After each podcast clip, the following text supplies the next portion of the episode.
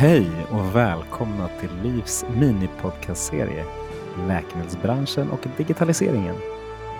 En poddserie som diskuterar digitaliseringen genom linsen på kunniga personer från området. Vi kommer att prata om hälsodata, digitala tjänster, läkemedelsbranschen inom det digitala området och mycket annat. Vi från Läkemedelsindustriföreningen tar varje år temperaturen på digitaliseringen ur läkemedelsindustrins perspektiv genom ett e-hälsoindex.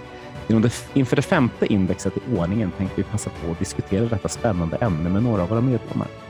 Jag heter Magnus Lejelöw och arbetar för LIF med bland annat digitalisering och dagen till ära har jag två kunniga och dessutom väldigt trevliga personer från läkemedelsindustrin i form av Leif Winterbacke och Christer Westlinder med mig i detta digitala rum. Varmt välkomna till detta samtal. Tack. Tackar. Bra, det passade ett tack in snyggt. Eh, vi, vi tänkte vi börjar och, rakt på sak och försöker lära känna er helt enkelt. Vad gör ni till vardags och, och vilka är ni då? Leffe, ska du börja? Absolut. Eh, eh Leif Winterbacke heter jag eh, och är till vardags ansvarig för sortimentsutveckling på Teva i Sverige. Eller portfolio management som vi också kallar det. Eh, men förutom det så har jag också ett speciellt eh, ansvar för att titta på om vi kan vässa våra digitala förmågor både internt och externt. Och i, eh, i grunden så är jag utbildad apotekare men har också då förstås ett stort intresse för frågor inom IT och digitalisering. Så det här passar mig jättebra. Grymt. Från en apotekare som gillar digitalisering via en annan apotekare som gillar digitalisering till en tredje apotekare som gillar digitalisering. Christer, vem är du och vad gör du på dagarna?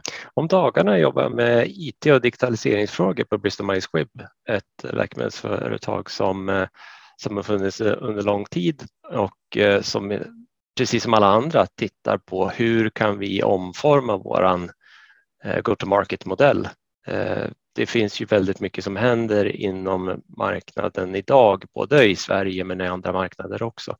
Så min roll är helt enkelt att eh, guida det lokala teamet eh, jämte vårt eh, internationella team som IT sitter inom. Mm.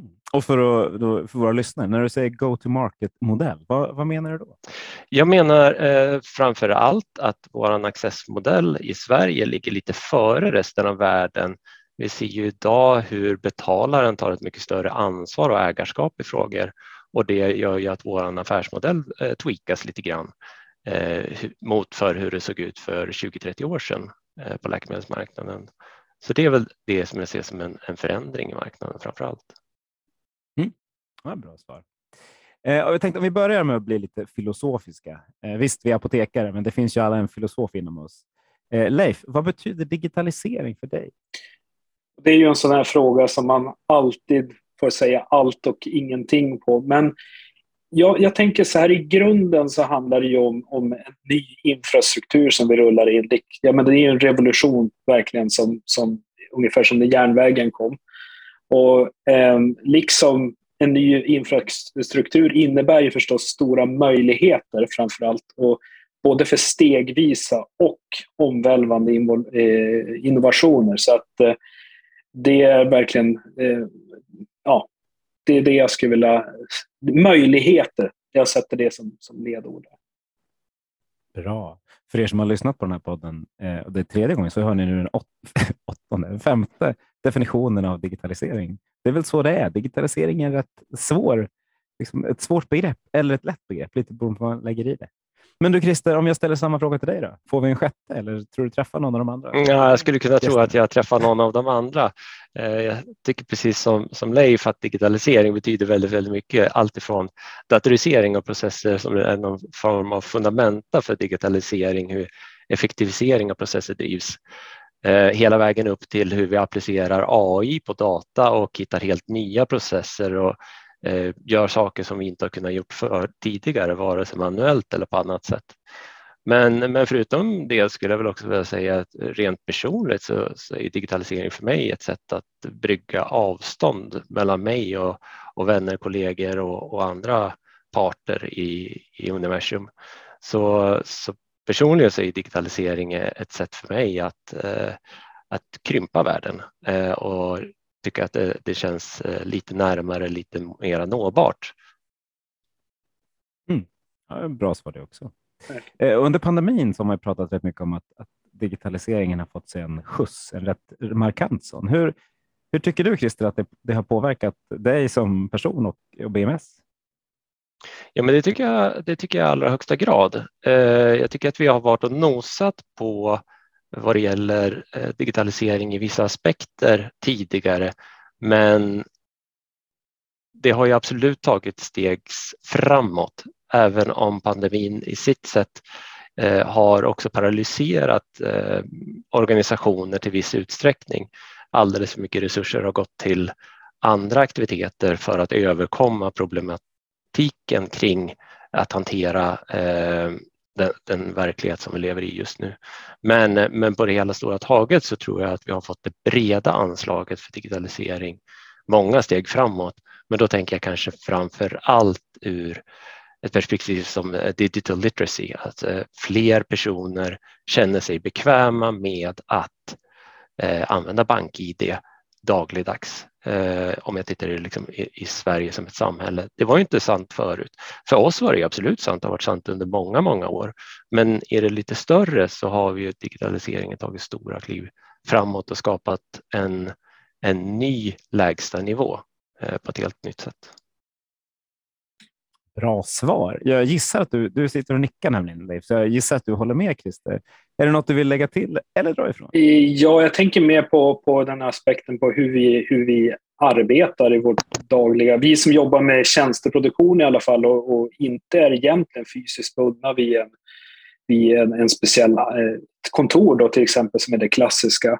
Att eh, jag tror att eh, det som har hänt nu i början är ju väldigt mycket videokonferens och Teams och Zoom och allt det. Att det har kommit och fått en rejäl skjuts. Men det är ju bara en liten pusselbit i någonting som jag tror kommer att komma framåt. Det här med hybrida hybridmodell för att jobba både hemma och på kontor eller var man nu än vill vara.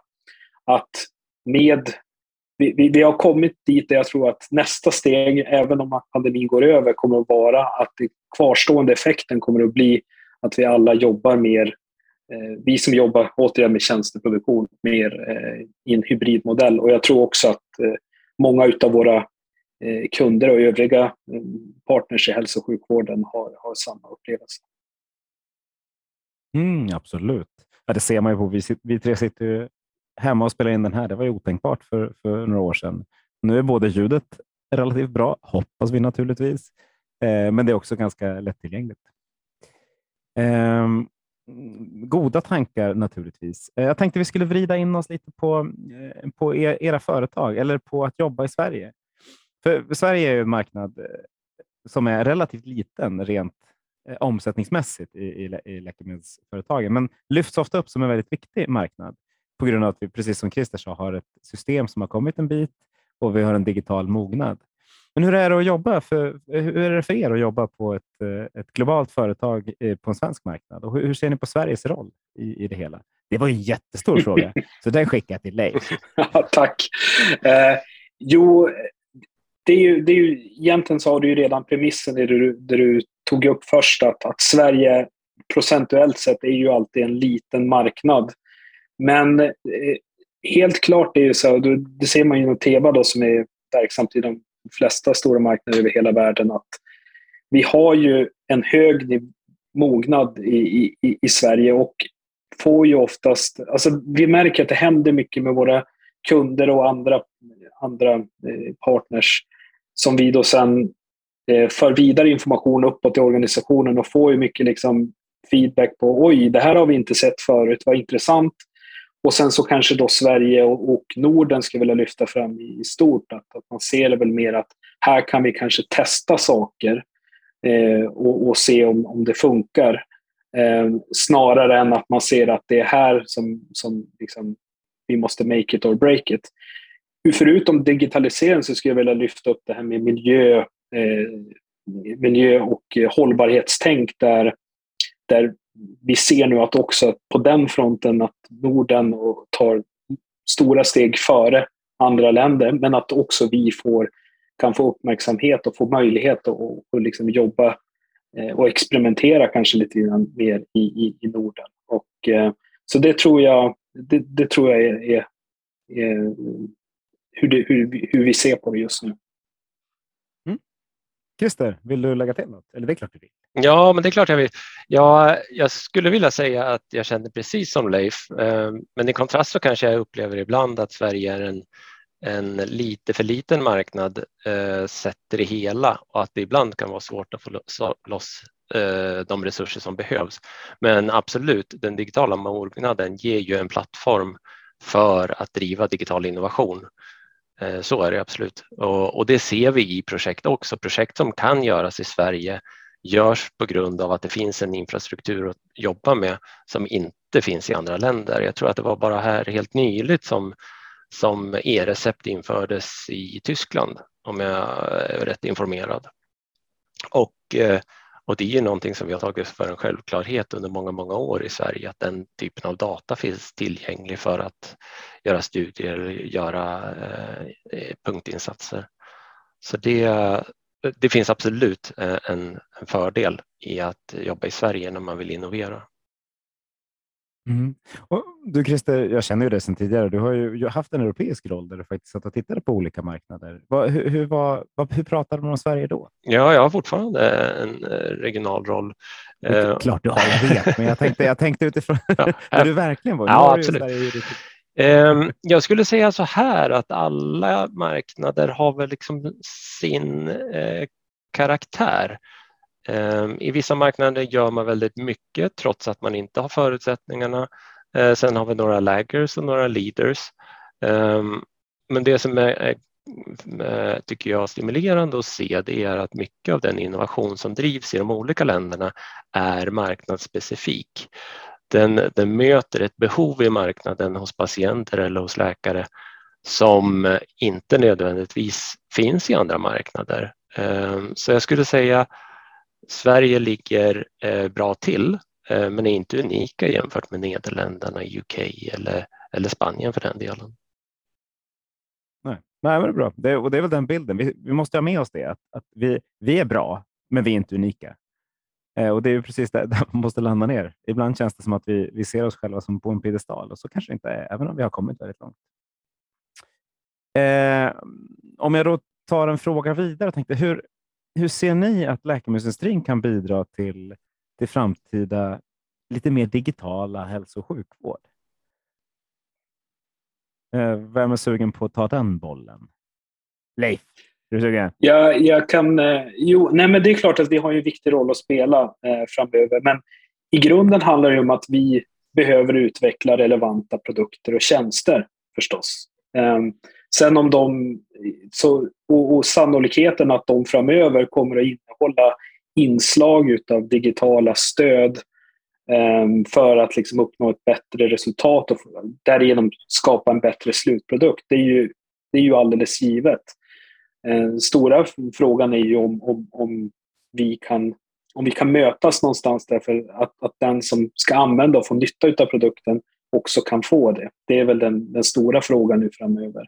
För vi ser ju att, att när vi börjar gå i gränslandet mellan läkemedel, medical device, eh, digitala plattformar, då, då, då är det många system som är och lagar och så som är anpassade efter, efter gårdagen så att säga. Och det, så det, kommer, det, det blir väldigt spännande att följa. Men vi som industri, vi måste ju, vi måste ju kunna, vi kan bidra med bra, så bra produkter som möjligt och tjänster förstås. Men också eh, peka på vägen och peka ut goda exempel som, som Christer gör från andra marknader och, och, och liksom påpeka att vi inte är unika och att det finns koncept och idéer och lösningar från, från, från andra marknader och sektorer som, som borde kunna ta oss framåt. Eh, det, det är väl men, men fokus på produkterna och våra tjänster, det är det som, det som är vår viktigaste roll tycker jag. Det är ändå en, en, stor sak att säga. För, för fem år sedan så hade du sagt våra produkter och nu säger du produkter och tjänster. Så det, vi utvecklas ju som, som, som bransch också. Men du Christer, om du får samma fråga då. Hur ser det att vi kan, som industri kan bidra? Eller ni som företag? Ja, men precis. Jag tror att vi behöver vara modiga som företag och göra ganska mycket arbete själva för att ta eh, nya grepp kring eh, hälso och sjukvården och våran del i hälso och sjukvården. Eh, med det sagt så tror jag inte att vi kan göra det själva utan allting kommer att bygga på att vi gör det här tillsammans i någon form av armkrok tillsammans med betalare eh, och sjukvårdsleverantörer. Eh, jag ser väl framför allt att det som är en springande punkt, jag tror, om vi tittar på det som vi har, har jobbat med under under säkert tio år olika typer av remote eh, monitoring eller andra saker av patientstöd. Det tror jag är öppna dörrar. Eh, jag tror att vi behöver som bransch kanske ordna oss lite grann så att vi jobbar med, med, med grundläggande API eller grundläggande lösningar där vi alla kan koppla upp oss istället för att var och en kommer med egna lösningar. Så där tror jag att läkemedelsindustrin och, och LIF kan ha en viktig roll att spela. Men utöver det så tror jag att eh, data är någonting väldigt centralt för hur vi kan avancera våra prismodeller. För som jag var inne på lite tidigare så tycker jag att accessmodellen i Sverige eh, är lite i framkant. Jag tror att vi kan lära oss mycket, men jag tror att den fortfarande bara är i sin linda sett till hur business to business eh, utvecklas idag inom andra branscher. Hur man delar, eh, hur man delar risk, hur man kommer överens om en viss leverans, en viss leveranskapacitet.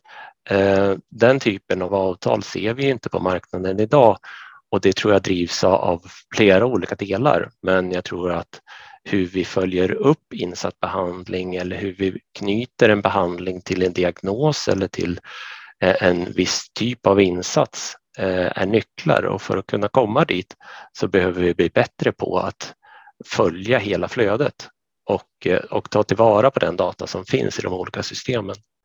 Så det är nog så jag ser läkemedelsindustrin kunna bli en integrerad faktor i, i vården.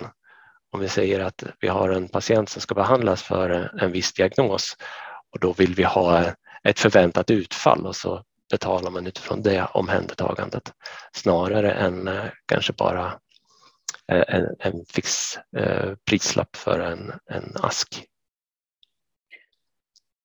jag, jag, nu, sitter Leif, Leif och hoppar på stolen. Ja, Fortsätt, nej, men, bollen. Det, jag, jag håller helt med Chris. Och just fokus på det här med... Vi sa det att regler kan vara anpassade för, för hur marknaden såg ut igår. Att ersättningsmodellen idag för, för, för läkemedel inom för förmånen är ju väldigt baserad på transaktioner på förpackningsnivå. Och jag menar, har vi nu en produkt som vi kan, vi kan integrera med en tjänst som gör att det också går att skapa en tydlig feedback på vilka som svarar på medicin och inte svarar på en behandling, då har vi också, kan man säga, skapat en ny form av precisionsmedicin.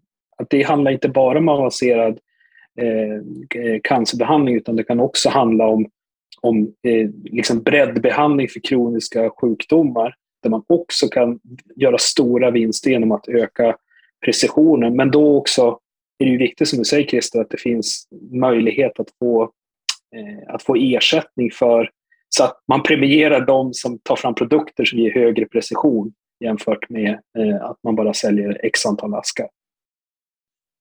För nu lyfter du en, en trend som, är, som jag ser komma mer och mer, det vill säga att man kombinerar läkemedel och digitala tjänster.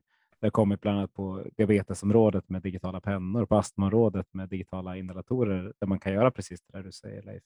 Vad, hur ser ni på den trenden och hur tror ni det kan bidra till framtidens svenska patienter? Förutom att det, som du säger, det är lite komplicerat rent lag, lagstiftningsmässigt eftersom det rör sig i gränslandet.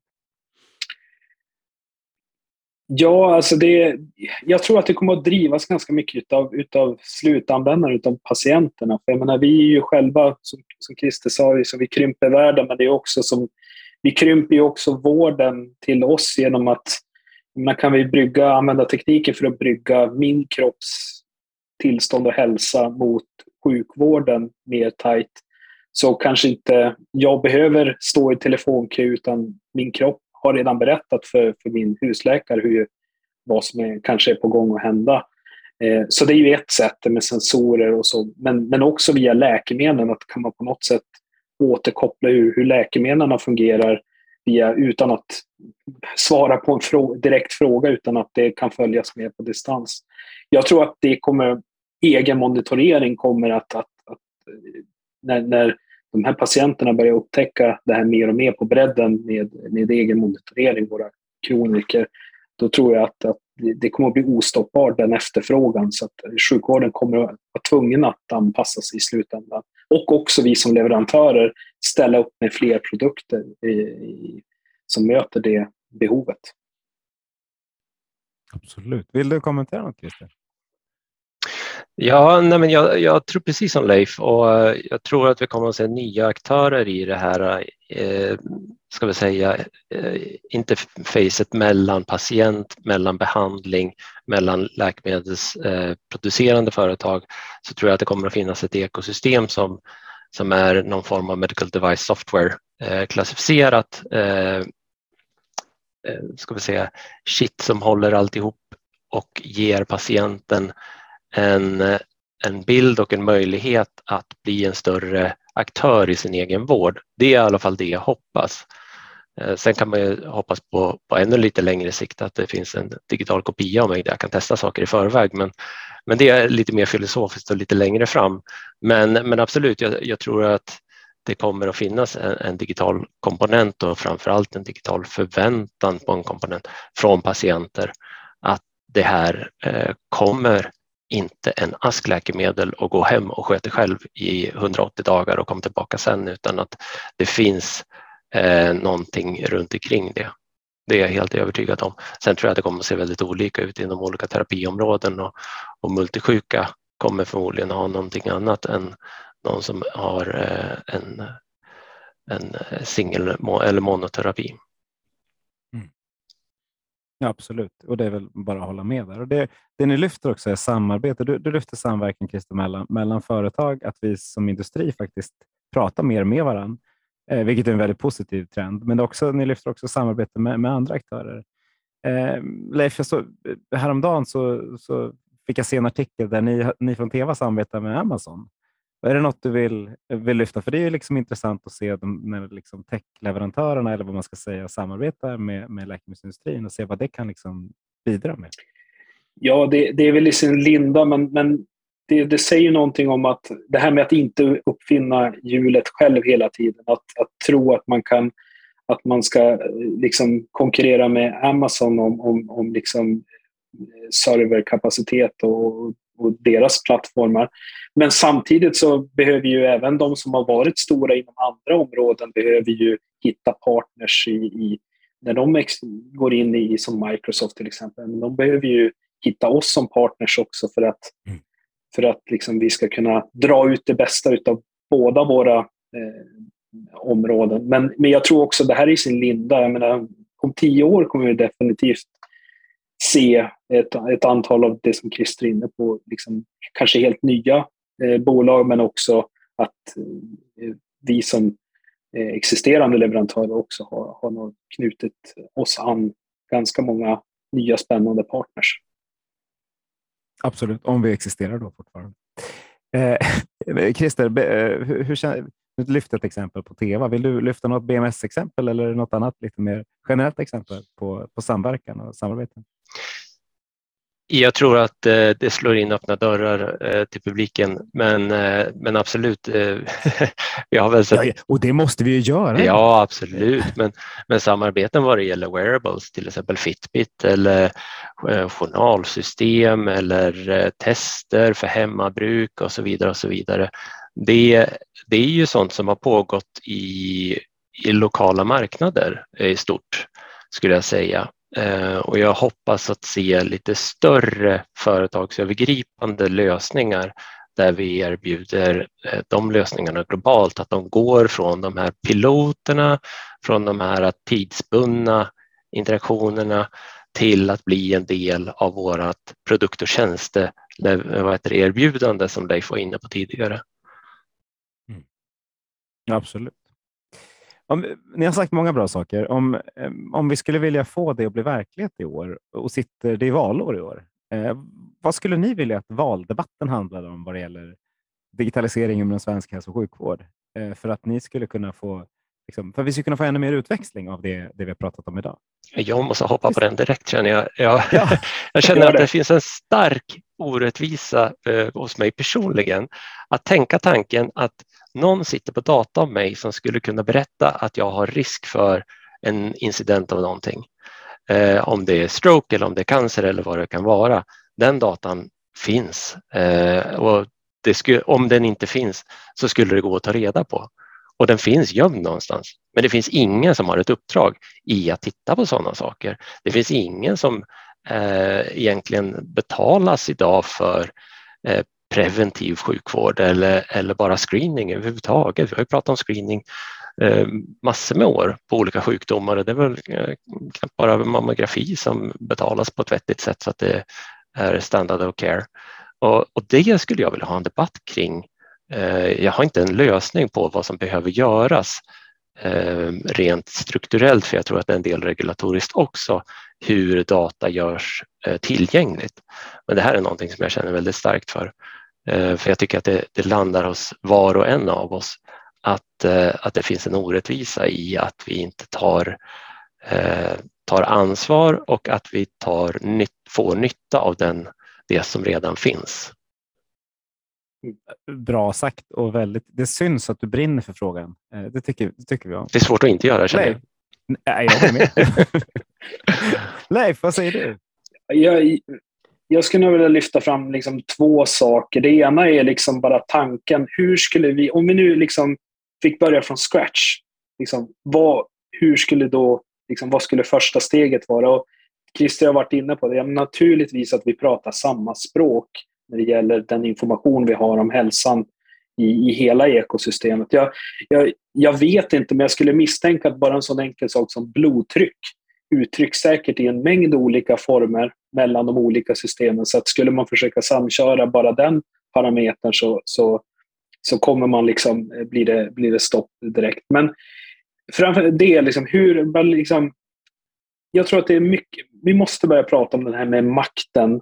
Vem som har makten över, över standarden här. För det handlar om att ta fram en standard. Vi måste prata samma språk eh, när det gäller information. Eller åtminstone vara överens om hur översättningen mellan de olika systemen ska se ut.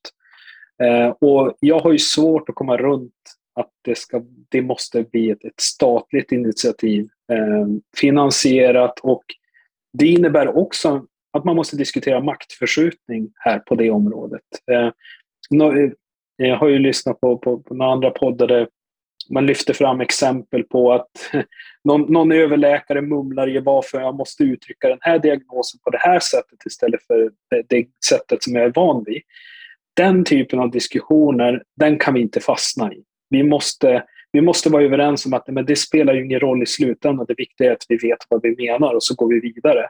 Men jag tror tyvärr att det är en sån sak som måste, så standarder är, är, är, är är en sak. Och den andra är ju organisation. Det kommer ju lite grann med det. Ehm, skulle vi börja från scratch idag så, ehm, så kan det vara svårt att tro att vi skulle ha just 21 eh, regioner. Ehm, men egentligen är egentligen inte det heller huvudsyftet, utan det är där man måste det är standarden och interoperabiliteten som vi måste, eh, måste få. Och då om man säger så rent politiskt, det här är kanske inte de sexigaste frågorna det här är kanske inte det som går på gall-tandskalan, men det är ändå otroligt nödvändigt. Så det, det krävs nog en, en, en ny eh, en ny commitment eller en, någonting nytt inom den politiska sfären. Att, att liksom man, man steppar upp och, och tar gemensamma, eh, ja, tar ett större ansvar för den här gemensamma frågan. Trots att den kanske inte är så partipolitisk färgad. Ja, men det är väldigt stökigt, för jag, jag håller med. Jag tycker båda, eller alla de tre saker ni sagt har varit väldigt, väldigt bra och sånt som man skulle, jag skulle vilja prata om. Jag är helt, precis som ni, övertygad om att det inte kommer pratas om det eftersom det inte är något man vinner ett val på. Sen kan det ju genomföras efteråt och det är en, en fantastiskt viktig sak ändå. Så det är bra att vi lyfter det och bra att ni lyfter det här. Jag tror, eh, jag skulle vilja bygga på det Leif sa. Jag tror faktiskt att det skulle kunna vinna viss eh, grund om man kopplar det då till hälso och sjukvårdens budget, att finns det ett uppdrag för att eh, lösa vissa frågor för att man kan koppla det till en besparing inom hälso och sjukvården på sikt när man jobbar med data på ett analytiskt sätt och kan göras, flytta från, från akut behandling till preventiv behandling eh, så tror jag att det det går att få det på agendan, men jag tror att eh, eh, det kommer att behövas ett, ett affärsförslag på hur det återbetalar sig, de här initiativen. Mm. Ja, en, en bra, ett bra tillägg utan tvekan. Eh, när ni gick in i det här digitala rummet, eh, var det något ni kände att det här har jag velat prata om som, som Magnus inte alls har lyft? Ni hade fått några frågor i förväg. De har jag absolut inte hållit mig till, utan jag har pratat om helt andra saker. Men det kanske var något som ni kände att det här skulle jag vilja lyfta, lyfta upp och i så fall är, är läget nu. Leif, vill du börja? Alltså jag, jag, jag, jag vill återvända till det här med, med ett, ett, eh, ett, ett eh, precisionsmedicin även för, för, för, för produkter som kanske har funnits med ett tag.